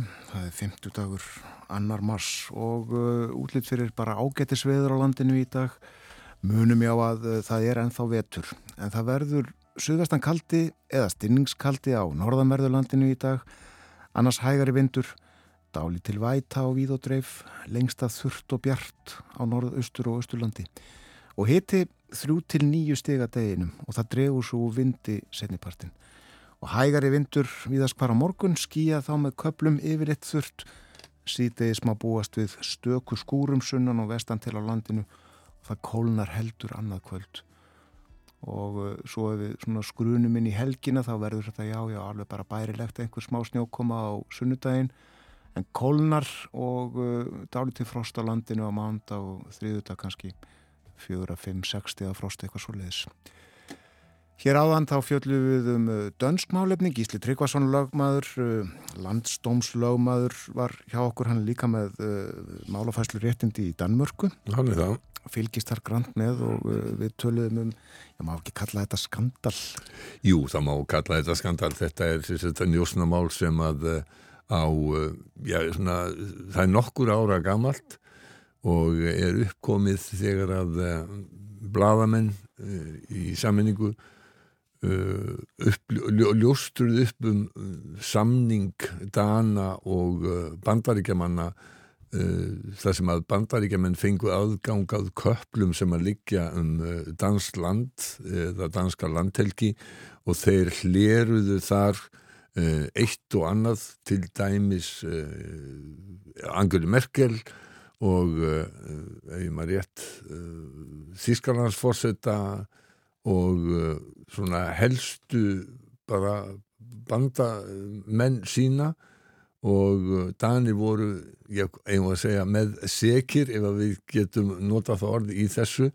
Og þetta komst upp og uh, það uh, í rauninni það sem að hugsanlega verður Klaus Jórn Freyðursen fyrirhundi varnamálur á þeirra falli er það að hann staðfesti í sjónvarsviðtali að þessi samningu bandaríkjana og Dana væri til. Já, það var almanna rómur en uh, staðfesting frá honum var líklega Ég hafa ráðið meirinn almann rómur því að þetta var, eh, þetta var eh, mikið í fréttum á sínum tíma, bæði í Danmarku og Nóri og Svíþjóð og, og ekki síst Þískalandi vegna að Angela Merkel var hleruð þannig að það þótti nú ekki, þetta þótti ekki sérstaklega kurtist af uh, hálfu bandarækjamanna. Nei, danskur skandall já til umfjöldunar áðan. Uh, einhverju kannski segja að þessi skandall að það hefur verið dreigið stórlega úr sögukenslu í íslenskum skólum. Þau mál verða til umfjöldunar á eftir. En nú ætlum við að tala um allt annað. Uh, keldur og keldnaholt í Reykjavík er merkilegt og áhugavert svæði í borgarlandinu. Það leikur upp frá botni Gravarvoks þar eru tún, skólendi og melar og þar er aðsettur tilraunastöðvar Háskóla Íslands í meinafræði og hefur verið í að verða 75 ár. Og það er eins og kunnugt er fyrirhugaðar mikla framkvæmdir í Kjeldnalandinu, það á að umbreyta því í þjætta og blandaða byggð með íbúðum, þjónustu og atvinnuhúsnaði, svo í vitni í upplýsingar frá betri samgöngum. Ríkið á eða átti landið og leggur það inn í samgöngu sáttmála höfuborgarsvæðisins og byggðum þarna á að gegna einhvers konar líki hlutverki í borgarlínunni. En verður tilrunastöðin á sínum stað áfram við spyrjum að því og hér hjá okkur er Kristín Kalmansdóttir, hún er framkvæmdastjóri stöðarinnar. Velkomin til okkar á morgumvaktina. Kæra þakkir, góðan dag. Já, við ætlum að spyrja uh, svolítið um starfseminn ykkar á uh, eftir en fyrst þetta er uh, gert ráð fyrir ykkur áfram á keldum. Já, við teljum okkur hafa raunaðavendingar til þess að við verðum hér áfram. Uh, við höfum verið í mjög góðu samtali og samráði við betri samgangur og núna er í gangi samkeppni um þróun Kjeldnalandsins. Ég kannski er með meira, meira með fókus á Kjeldnalandi en Kjeldnaholtið og í forsendum þeirra samkeppni að gert ráð fyrir að stopnunum verði áfram og að hún hafi sagt uh, landsvæði til að þróast áfram á eðlulegan hátt inn í framtíðina. Já, Já þú gerir greinamun á Kjeldnalandi og Kjeldnaholti. Já, mér er umhugað um Kjeldnalandið en vissulega er þetta alls saman partur að þessari framtíða þróun í borgarlínunni en, en já, við erum með okkar, við horfum á Kjeldnalandið Já. til frumstöðinni. Og þetta er eins og þú segir í þessum uh, útbóðskögnum þá, Já, að í stað. samkeppninar þá er te- tekið fram að gerst sér að fyrir því að stopnunum verði áfram og með sem sagt svigurum til að þróast áfram. Hvað er hún búin að vera lengi þarna? Um, hún er, var stopnið 1948 uh, eða já, hóf starfsemi allir heldur 1948 og hefur verið stærstan hluti ef ekki allan hluta þess tíma þarna. Þannig að þetta, þessi stopnun er uh, gríðarlega mikilvægur þáttur í sögu og menning, menningu þessarar hérna afsakið sögu og menningu þessar svæðis og betri samgöngur hafa lagt áherslu á að að hérna halda í slík, slíka þætti í þessari þróun. Já, og þegar tilina var stopnað starfsamennar þarna þá voru keldur auðvitað langt út í sveit. Já, já, En nú er þið í miðri borg, Já, já, ég kannski vil eh, sko taka fram að, að hérna, ef ég má fara yfir það að tilrjónastu hérna Háskóli Íslands í meinufræði keldum er eh, nafn sem kemur upp hérna í kringu 1950 og er batsins tíma og hérna er í rauninni alls ekki lýsandi fyrir starfsemi þessar stopnunar vegna þess að um, stopnunin er bara dýrahelbriði stopnun Íslands ef við, ef við berum okkur saman við sambarileg heiti í Londonum í kringum okkur uh, og uh, hún er sjálfstæð með sér fjárhag og sér lög. Þó hún sé miklu samstarfi Háskóli Íslands er hún ekki hluta Háskóli Íslands en við erum með stjórn og í stjórn sitja aðilar frá háskólanum auk annara, Já. auk, það er fimmanna stjórn. Já, þetta er svolítið uh, hartundi tönn Þetta mjög tilrunastöð hart undir Háskóla. Íslands í meina fræði. Eru þið ekki að gera tilrunir? erum við ekki að Gera tilrunir? Uh, við erum rannsóknstofnun. Við erum sem sagt eh, háskóla og vísindastofnun og þess vegna heyrum við undir háskóla innar og nýsköpunarraðaniti en okkar, þetta eru sem sagt átta rannsóknstofur, meinafræði er vissulega ein af þessum rannsóknstofum en við erum með síkladeild, við erum með hérna PCR deild sem er nú hérna allir landsmenn þekka Við erum með sníkju, sníkjudýradeild, við erum með rannsóknardeild fyrstjúdóma uh, og við erum með uh, hérna, uh, hverju er að gleyma bólefnadeild, um, riðu, við erum að rannsaka riðu og erum með, núna erum náttúrulega áhugaverða rannsóknir hann út af uh, argerðar þætti riðunar, við tökum þátt í því. Já. Það einmitt að spurja þig út í riðuna vegna þess að þar hafa verið tíðindi Já. sem að, eh, já, hugsanlega vekja vonur um það að það sé hægt að eh, ráða við eða ég vil útrýma þessum sjúkdómi sem að hefur leikið íslenska söðfjárbændur afar grátt í eh, mjög langan tíma. Og þar er aftur líka raunhafar vonir til þess að það takist. En það er ennþá nokkuð í land. Og þið gegnir þar mikilvægu hlutverki?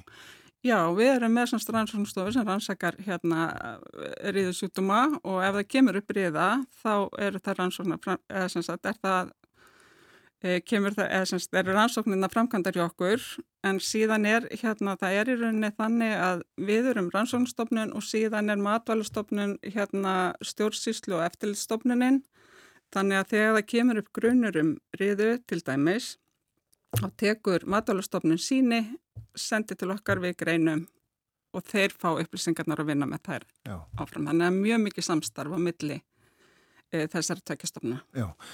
Er uh, heppilegt að hafa þessa starfsemi, uh, starfsemi tilrunastöðvar Háskóla Íslands í meinafræðum að keldum, einmitt að keldum í Reykjavík? Já, við teljum að það sé mjög heflegt. Það er mjög margt sem mælir með því. E, í fyrsta lægi þá erum við staðsett þannig að við erum ekki nálagt hérna miklu landbúnaðhjörðum sem er mjög jákvægt. Uh, við erum, þannig erum við, sérstaklega þegar borgarlínan kemur, er, við erum í ágætti samgöngum við Vasmýruna og, og, og landsbytalan og háskólan en þegar borgarlínan kemur verða það samgöngur ennþá betri og það eru tæki þar niður frá sem við erum að samnýta, mjög dýr og, og hérna flókin rannsóntæki sem við erum að samnýta þannig að það er mjög jákvægt að við séum uh, það nálægt þeirri starfsemi. Þarna höfum við hérna, það eru sem sagt húsnæði þarna 5.000 fermetra húsnæði eh, sem við erum með þarna þannig að það var í gríðalega kostnæðasamt að fara að færa þessa hérna starfsemi eitthvað annað. Eh, við erum til dæmis með sko fullkomnustu öryggisrannsóknastofu á Íslandi og hérna þar er mjög svona uh, dýr tækni og það, þar eru við semst að rannsaka smitefni sem að uh, er grunur um en er ekki á landinu uh, eða ekki þekkt hér og þá er náttúrulega greiðlega mikilvægt um vissum það ekki út og, og þessi rannsóknastofa er sem sagt byggð þannig að við gerum það ekki. Hún er sem sagt það lokað og aðgámsstýrt og, og svo teljum við að hérna uh, þessi starf sem er falli mjög vel að áformum um uppbyggingu í kjaldnalandinu vegna þess að það er verið að stefna þar á blandaði byggð og við erum til dæmis mjög áhuga sem um það að fá uh, líftekni og heilsutekni fyrirtæki nálægt okkur vegna þess að það getur verið mjög mikil og er mjög mikil samvinna á milli slíkra nýskupuna fyrirtækja og þeirra starfsemi og rannsóknar sem við rekum. Akkurat, já. Það uh, er svolítið skemmhaldir það ekki hjá okkur. Þið eru með dýr. Jú, við erum með dýr, uh, við erum aðla með hesta og kindur, uh, tíu kindur cirka og, eitthvað stærri kringum 50 hesta í dag. Uh, við, ef þú horfir á kjaldnarlandi þá er þetta cirka 85 hektarar. Uh, við teljum að, að sagt, með því að þróast áfram á þessum stað með lámars uh, búfjörhald þá myndi hérna 7 hektarar nýtast okkur mjög vel og, og hérna þannig getum við þróast áfram. Já. Eh. Það eru þarna heilmikil tún sem að þið hegið er það ekki? Það er ekki heia, nei. Það er Nei, ekki nei, heyja lengur? Nei, nei, nei, það er langt síðan. Það er langt síðan það var. Já, já, já. Ég man samt ennþá eftir því þegar... Já, einmitt. En hérna, nei, nei, það er, við sjáum alveg fyrir okkur að hluti auðvitað ef það eru stórar rannsóknir eins og þið þekki kannski rannsóknir á sumareksiminu, uh, sumareksim í hestum, uh, að þær myndu færast þá uh, möguleg upp á hverniri eða við myndum finna nýtt, nýjan stað fyrir, fyrir þær en þetta lámarks uh, búfjárhald er æskilegt að hafa uh, hjá okkur. Við erum til dæmis með svo kallega færnibúðir eða uh, svona kennslu og þjálfunaraðstuði fyrir lækna, lækna og lækna nema. Þar eru þeir að gera alls konar rannsóknir sem þeir geti ekkert gert á mannfólki og þá er mjög mikilvægt að hafa dýrahaldið nálagt þeirri hérna, aðstöðu og við höfum mikið metna til þess að byggja upp e, betri aðstöðun við höfum í dag e, hérna fyrir þessar færnibúðir sem er nýjast orðið e, þar sem að við gætum í rauninu bóðið upp á miklu meiri aðstöðu fyrir þessa starfsemi og fyrir nýskupuna fyrirtæki heldur en við getum gert í dag. já. Þú nefndir áðan að þið eigi góðu samstarfi við betri samgöngur sem að sjá um þetta. Má, bara geta þess að, að stjórnaformaður þar er Átni Mattis en dýralæknir. já, já, hún er alveg geta þess. hérna, eigi þar sjálfsagt hauki horni sem hefur Já, ég held mikið að hann sem skilning á. er þess að gammal starfsmæður stofnunarinnar. Já, það er nefnilega það, Já. já. Já. En serðu ef að fólk átt að segja á þessu, það, það er nú þannig að, að þarna er ekki framhjá á, á 80 km hraða og fólk kannski gefur umhverjum ekki gaum, en, það eru þarna tún fyrir neðan uh, húsin ykkar Mhm. og svo er, svo er holt fyrir ofan. Ver- Verður byggt á þessum túnum sem að ég, held að væru hegið en þá? Já, eins og, já, ne, ne, já, eins og ég skild að þá verður aðal uppbyggingarsvæðið eila næst stofnuninni Já, uh, og þ- eða þar að segja sko þar verður meiri íbúðabyggð og svo verði þá meiri hérna atvinnustar sem er úti í kontónum og, og þannig verður að leggja upp með að, að hérna verði ekkert mjög mikil bílaumferð af því að borgarlína náðu þetta að taka, uh, taka það mest og þeir eru að sjá fyrir sig svona kannski einhverja bílakjallara, einhverja, einhverja kjarna.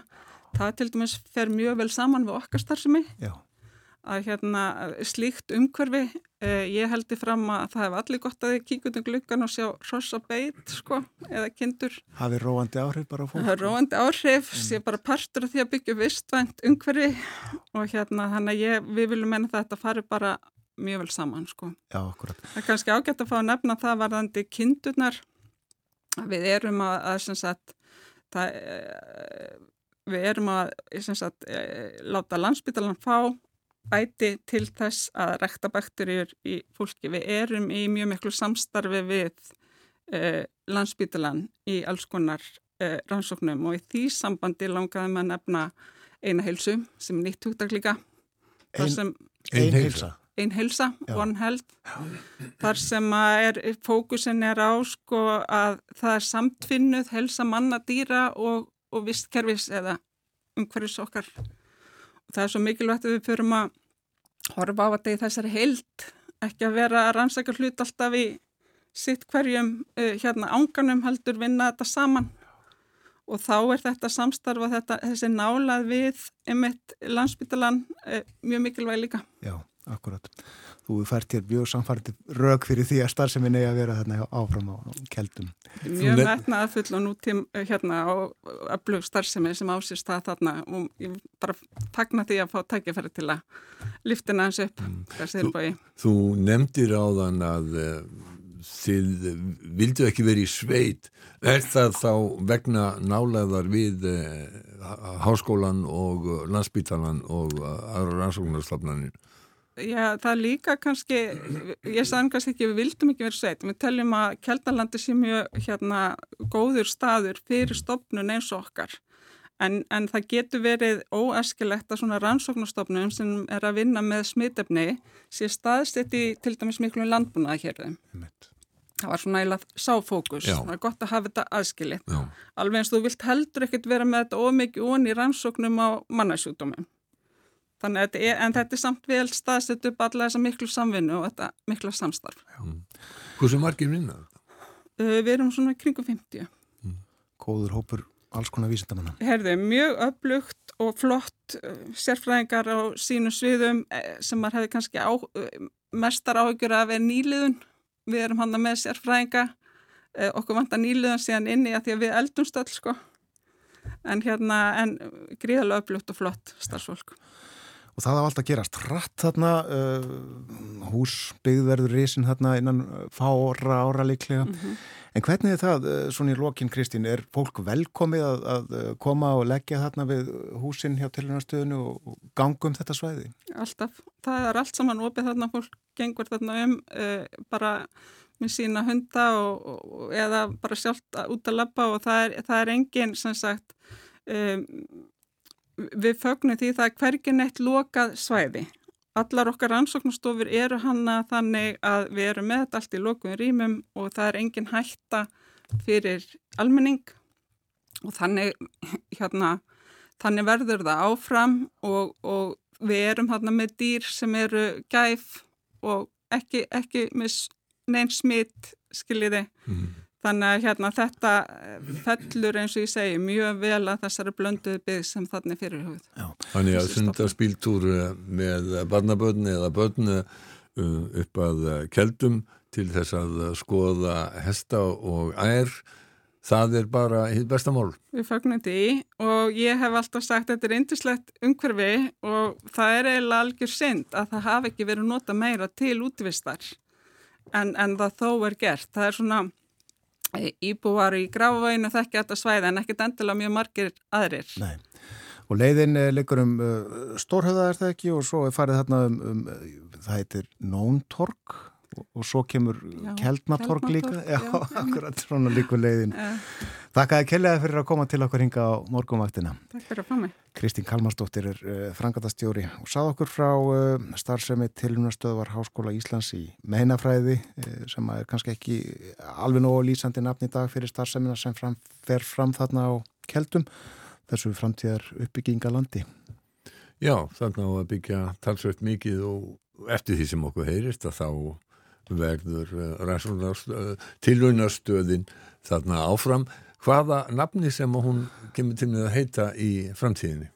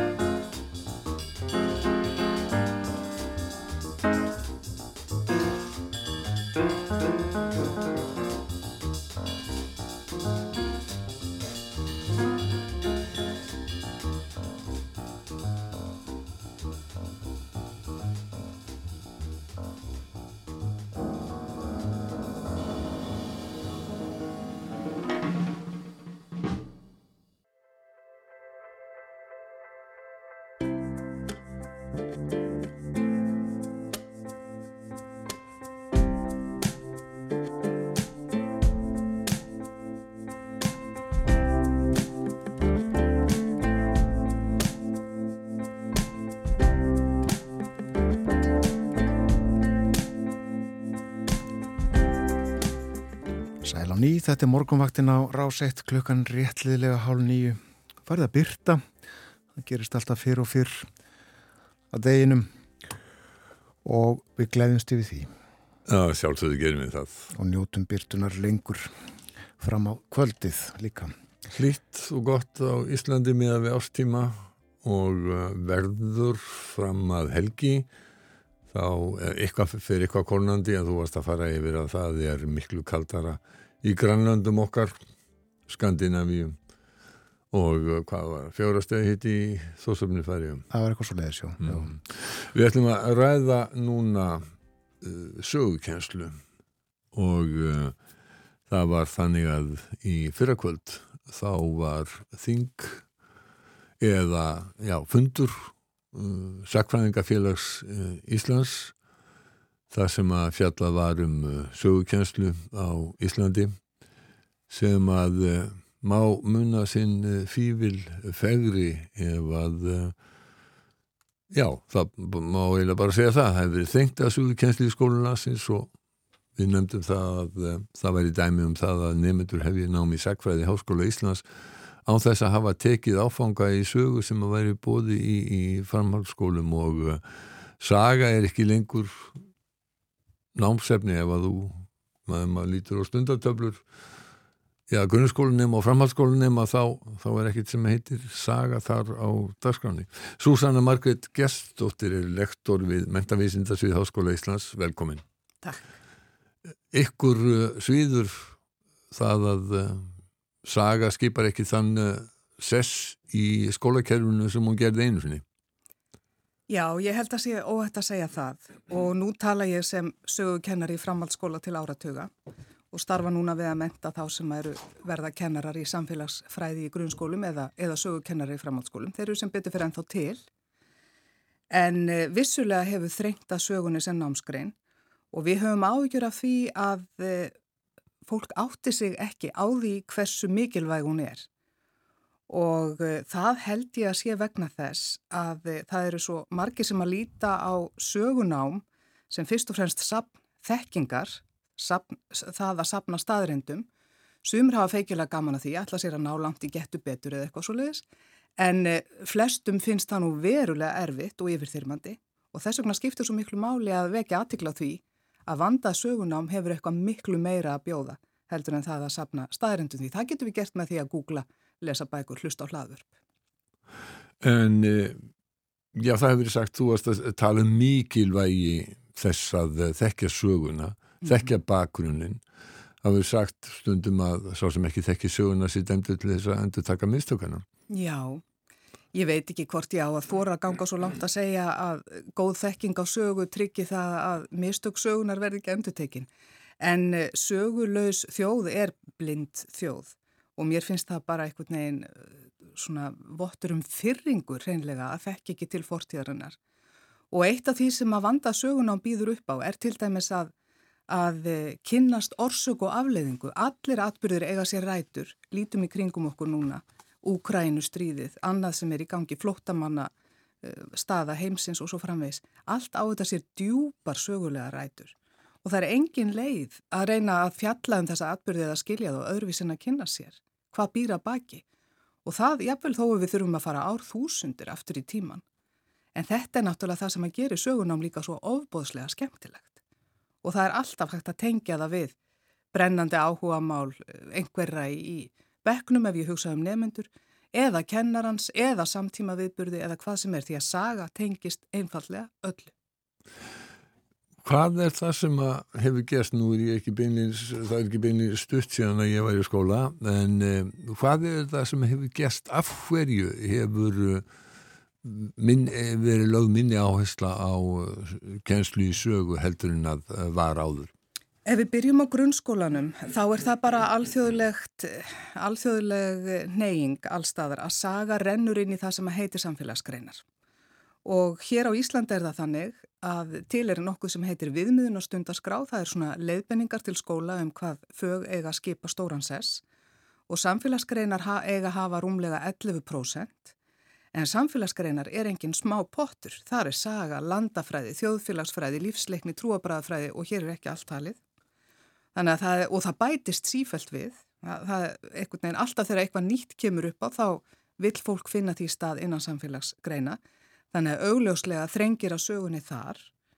Og í framhaldsskólum þar var saga lengst af meðal kjarnagreina og mjög erfitt að ímynda sér að einhver getur stúdent úr íslenskum framhaldsskóla án þess að hafa lært sögu. En nú er það alls ekki lengur tilfellið. Framhaldsskólinn var stittur í þrjú ár, það komst endanlega til framkvæmda 2016, hafði þá verið í lögum í átta ár. Og með þeirri breytingu þá hefur kjarnin minkað umtalsvert og nú eru það bara allmargar brautir í allmörgum skólum þar sem er ekki gert ráð fyrir neitni sögu. Og þá getum við að vonast eftir að, að nefnendur veldu sögu eða hefðu áhuga á henni, en það er ekki mikið svigurum fyrir frjálst val hjá nefnendum heldur. Þannig að sagan er ein margra námskreina sem að bara berst fyrir lífi sínu um þessar myndir. Um, Er þá mögulegt að verða student úr einhverjum framhaldsskóla án þess að hafa numið þá staðrind svo við bara tökum eitthvað að Ísland hafi orðið fullvalda 1918 og líðvöldi 1944? Já, en uh, við skulum vona að fólk hafi frétt af því kannski uh, í grunnskóla. Eh, Bækur og námsgögn í sögu uh, maður er hitt talað um það að það sé nú ekki feitangolt að flá ef við verum að tala um Nei. nýjar bækur. Nei, það er náttúrulega alveg átakanleg staðrind og sérstaklega á framhaldsskólastíðinu. Þar er, er staðan verulega slæm. Það hafi ekki komið út uh, raunverulegar sögubækur í uh, rúm 20 ár og það er einfallega þannig að uh, hver tími krefst sinn, síns námsefnis. Þannig að það er enga meginn þannig að af því að það var búið að skrifa bækur þar sem að fjalla var um heimstyrjaldirna tværa þá sé það efni bara einfallega komið og fyrirleikjandi. Það, það er ekki svo vegna þess að sjónarhóttnin breytast með tímanum. Og eh, akkurat þetta að það sé ekki til vanda námsefni, þetta er kennurum líka fjötur um fót. Og eh, ég þekki það mæta vel úr mínum rannsóknum að sögukennarar um all land eru verulega yðnir við að búa til sitt eigin námsefni og finna það en því miður er litið þannig á að námsbóka útgáfa eigi að vera gróðaleið og það er hún ekki endilega. Og þá sjá bókaforlög sér ekki hagi í því að, að leggja rægt við þetta. Og ég myndi vilja að fyrirkomulegi hér væri eins og til dæmis í Hollandi þar sem að framhaldsskóla nemar fá bækur ókeppis og það þyrft ekki að taka þennan pól inn í myndina. Um, þú varst að segja að hver tími þarf uh, sína sögu. Það er ekki svona eins og Leopold von Ranke sagði á 19. öldinni díki sikti við þess ægendliki vissin. Þetta gerðist og svona var þetta og það þarf ekki að vera að skrifa neitt nýja bækur um það. Nei, það er svo sannlega ekki þannig. Og það, það, þar eru við komin að því sem að gerir sögunám svo skemmtilegt. Það eru uh, ólík sjónarhorn á atbyrði, það er alltaf sögulegur kjarni, en það eru ólík sjónarhorn og sitt sýnist hverjum og það er gaman að draga þau fram. Og það sem að vandað sögunám, svo ég komi enninu svona því, felur í sér, er til dæmis heimildaríni, að bera saman heimildir, hvers vegna uh, lítur þessi heimild svona út, vakti eitthvað fyrir höfundi, í hvaða samengi var hún sett fram. Og uh, fleira og fleira sem ég geti nefnt sem að einu nafni eh, kallast söguleg hugsun. Og það er engin námsgrein önnur en saga sem getur lagt rækt við hana og uh, hafi söguleg hugsun eitthvað tíma verið mikilvæg þá er það núna vegna þess að þetta er að sjálfsögðu gaggrínin hugsun. Og hjálpar þá nefnendum sem framtíðar þjóðfélagsþegnum að leggja líka mat á hvaðan þeir fá fréttir, upplýsingar og svo framvegis í uh, líf og starfi. Einu sinni var sagan í, já, samsapni, þú varst að segja samsapn upplýsinga um það sem að uh, kallar hefðu gert uh, lítið fjallað um uh, hlut hvenna, lítið fjallað um hlut almennings, þetta var uh, saga af merkisfólki, þetta hefur gerbrist Já, þetta hefur gerbreyst. Þarna nefnur einmitt ímis af þeim sjónarhóttum sem er svo gaman að, að taka með í reikningin núna. Nú hefur á síðar árum verið, verið dregin fram alls konar eh, nýjir vinklar á söguna, hins egin sagan. Eh, Við skoðum núna umhverfi sögu og fleira og fleira sem að hefur brína skýrskotun til samtímans. Afstafa nemynda til náms í sakfræði, hver er hún almennt? Ef að, er náttúrulega, ég veit ósangjöld spurning og mjög víð, en, en, en er eitthvað hægt að draga saman um afstöðu? Hefur hún brist? Eða, Þetta hefur ekki verið rannsakað og þetta væri verulega verðugt að rannsaka En eh, við vitum það að saga hefur svona fremur slæmt orð á sér svona í, orðun á götunni ef að hægt er að nota það. Einmitt vegna þess að hún hefur þessa gömlu ímynd sem þekkingar söfnun. Og svo er nú annað sem er svolítið áhugavert að velta fyrir sér og það er svo staðreind að fólk lærir megnið af sinni sögu utan kennslustofana úti í samfélaginu. Og þess vegna er svo erfitt að breyta rótgrónum hugmyndum um sögu. Munið til dæmis þegar að, núverandi fórseti var í frambóði og hann hefur kynnt sér þoskastriðin sérstaklega og hann kemur með ný sjónarhorn á þá sögu sem að rýma einhvern veginn ekki við að hér hafi verið örþjóð þar sem allir snýru bökum saman gegn sameiginlegum óvinni og honum var beinlinis leið á hálsi fyrir að, að draga þetta fram. Og uh, sagan er einnig notuð í, uh, getum við sagt, í, í politískri, bara dæliður í politískri baráttum. Svo sannarlega. Þess vegna er hún náttúrulega eldfimust námsgreina og uh, þetta dæmi sem ég var að nefna um, um þorskastríðin og ólík sjónarhórn á það, mitt eftir í huga sakfræðingum í Breitlandi verður tíðrætt um það hvað sjónvasiðnaðurinn gerir mikið út á setni heimstyrjöldina til dæmis og hversu dásamlegt var að vera almennur breyti þá ef maður komst lífs af því að þá var samstæðan sem aldrei fyrr og, og, og fólk hjálpaði hvert öðru og svo framvegs og þetta er svo fjari raunveruleikanum en það langar engan að heyra þá sögu. Hinn er miklu hugulegri og fer betur á skjánum. Þannig að við ímyndum okkur ofta að uh, hlutinir hafi verið betri heldur en að þeir uh, voru. Já, allavega ímyndum við okkur að hetjur hafi verið hetjur og skúrkar hafi verið skúrkar. Þa, það held ég að sé bara mannleg tilneying. En um leið og farið er að skoða hlutina sögulega, þá er sagan ekki svo svartkvít. Og kannski finnst fólki bara erfitt að takast á við það. En það er náttúrulega það sem við þurfum líka að takast á við í daglegu lífi. Hlutinir er ekki svartkvítir. Kynnslóðum saman að þá voru notaðar kennslubækur uh, sem að, já, frómt þó sagt, getum við sagt nú til dags hljóta að teljast úreldar Jónar frá Hriblu, Jóni og Aðils í, í framhaldsskólum. Og einhvern veginn svona einn almenni nefandi geti ímynda mér hafi tekið með sér þá sín á íslenska sögu að hingað hefðu fluttist, flust eða rakist til Íslands undan, undan skattaofstæki í, Noregi, frjálsbornir höfðingjar, sest hér að og búið til gullaldar samfélag, líðræðis samfélag sem að eh, hefði varað í hvað, 300 ár um verið svikið í hendur Noregskonungs af Gissuri Jarli og þá hefði lagst yfir eiginlega miðalda miskur þangað til að Jón Sigursson fættist og sjálfstæðisbaróttan hóst. Þetta var ekki alveg svona. Takk Bói, þú bara súmeraður upp Íslandsöguna hérna. nei, nei, nei, nei, auðvitað var þetta ekki svona. En um leið og nefnir þessar bækur sem að, okkur finnst fyrst og fremst vera bara svona forvitnilegt fyrirbæri nú til dags, að þá er því ekki að neyta heilu kynsluðunar elskuðu þessar bækur og þær kveiktu þó allavega áhuga á sögunni.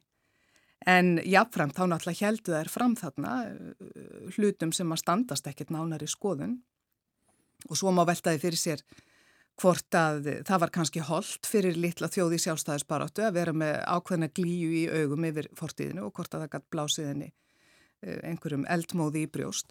Og það er dæmi um pólitíska nótkunn sögunar sem að við þekkjum á öllum tímum og eh, við sjáum til dæmis í Úkrænu núna að það er mikið leitað í söguna en það er einmitt mikið deilt um hvernig sagan hafi verið og hvað, hver staðan hafi nú verið þarna á öldum áður. En eh, eins skemmtilegt og það hefur örgla verið að lesa Jónas frá Hriblu og hrífast með að þá náttúrulega voru þau líka afarmörg sem að náðu engu sambandi við þetta og þá eru við komin að kennslu háttum og hvernig hægt er að kenna sögu á lífandi og skemmtilegan hátt. Fyrst og fremst með því að setja nefnandan í, í öndvegi og, og láta nefnendur leita þekkingar og skoða hvernig söguleg þekking verður til. Og uh, talandi meira um sögurskoðun Íslendinga og uh, þá svona af og til að þá sprettur upp umræða um uh, hvort að þessi ímynd sem að Íslendingar hafa af sinni einsögu eigi við rökkastiðast og ég man eftir núna í sambandi við útkomu bókar Helga Þorlókssonar uh, sögustæði núna fyrir uh, já, síðasta haust að þá kom upp umræða akkurat um það að Íslendinga þyrstu að endur skoða sögurskoðun sína. Já, Og það held ég að sagfræðingar hafi lengi verið að vinna með en, en það er þekkt dæmi úr öllum samfélögum allstaðar að niðurstöður rannsókna þær eru lengi, lengi að skila sér inn í svona almanna vitund. Og í þessari bók sem þú nefnir þá dregur Helgi til dæmis fram á mjög skemmtilegan hátt hvernig Snorri Sturluson hefur aldeilis ekkert alltaf verið uh, hafður í hávegum en hann er það svo sannarlega núna og manni sárnar mjög þegar norðmenn talum hann sem, sem norskan heiðusborgara en uh, þetta er einmitt svo skemmtilegt við söguna og þetta er það sem ég var að segja á þann að hver tími þarnast sinnar sögu. Hún er ekkert bara einhver fasti sem að aldrei breytist. Svona í lokina því að þetta minnast á Snorra Sturluson þá get ég líki stilt mig um að segja það að, og deilur Íslandik og Normanna um þetta að ég átti í deilum við eh, kollega minn sem var miklu eldri maður heldur en ég þegar ég var ungum maður til tölu að nýtekja við sem fréttastjóri og hann heldi fram að Snorri Sturluson var í Normaður og ég heldi fram að Snorri Sturluson væri Íslandingur og eh, hann eh, félst á það að endanum og þá gaf hann mér og áritaði uh, útgáfu af heimskringlu á nýnorsku og skrifaði inn í frá voris felles landsmann frá samílum landsmanni okkar snára stöðlisinni. Lengra við erum normenn ekki tilbúinir að ganga og við heyrum þetta líka núna í deilunum, já, þessu, málverkið. Leifur Eiríksson finnur uh, Norður Ameríku. Já. Þetta er partur af því að sagan er ákveðin leiti lífandi í hugum fólks ennþá. Já, og það er skemmtilegt.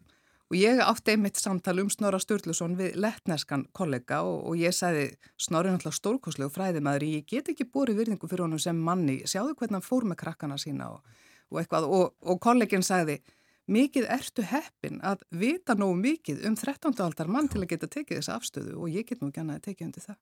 Við eigum náttúrulega fjársjóða sögulegum heimildum en eh, við nýtum ekki nema lítinn hluta þeirra í sögukenslu, það er klart. Ef að sögukennarar mættu ráða, hvernig líti námskráin út? Úf, þetta er alltaf stór spurning og, og ég þór ekki að svara fyrir hönd stjættarinnar. En ég held allavega að sögukennarar hljóta að vera sammála um það og margir fleiri en sögukennarar að enginn ætti nú að geta orðið stúdent nema að hafa fengið lámarkskenslu í sögu.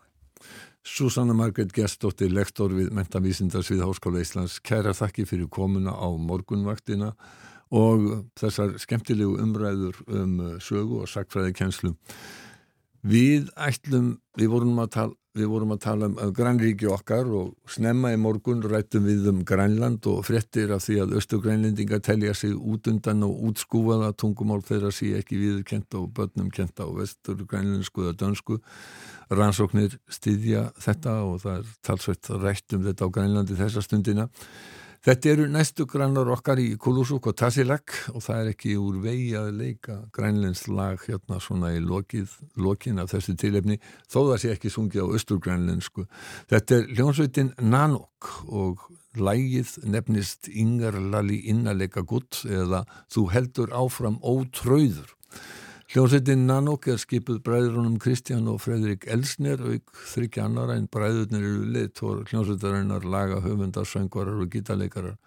Nanok þýðir Ísbjarnarguðin og vísar í gamla sögur enn á ný sagan, sögur úr innvítatrú, enda eru Nanok bræður með miklar vísanir í grænlenskar hefðir og virðingu fyrir náttúrunni. Þeir koma á litlu samfélagi á Suður Grænlandin hafa lengst af búið í núk og reyka þar stærsta tónlistafyrirtæki Grænlands Atlantic Music. Hljósiti gaf út fyrstu hljónblutu sína árið 2009. Þeir eru duglegið að ferðast og spila víða en það vilðist áhuga á hljómsveitinni vera mikill. Þeir að meðlan að spila hérna á Íslandi og þeir syngja allt á grænlensku og þeir höfnuðu bóði í Sony um samning þar sem að skiljiðið var að þeir færðu sig yfir á ennsku. Það vildu þessi gethekku bræður alls ekki. Við skulum heyra lægið þeirra Inger Lali Innalega Gutt. Og með þessu lagi líku morgunvaktinni þennan morgunin. Björn Þór Sigbjörnsson og Bói Ágússon þakka samvittina frá því morgun. Þátturinn verður á sínu staði fyrramálið.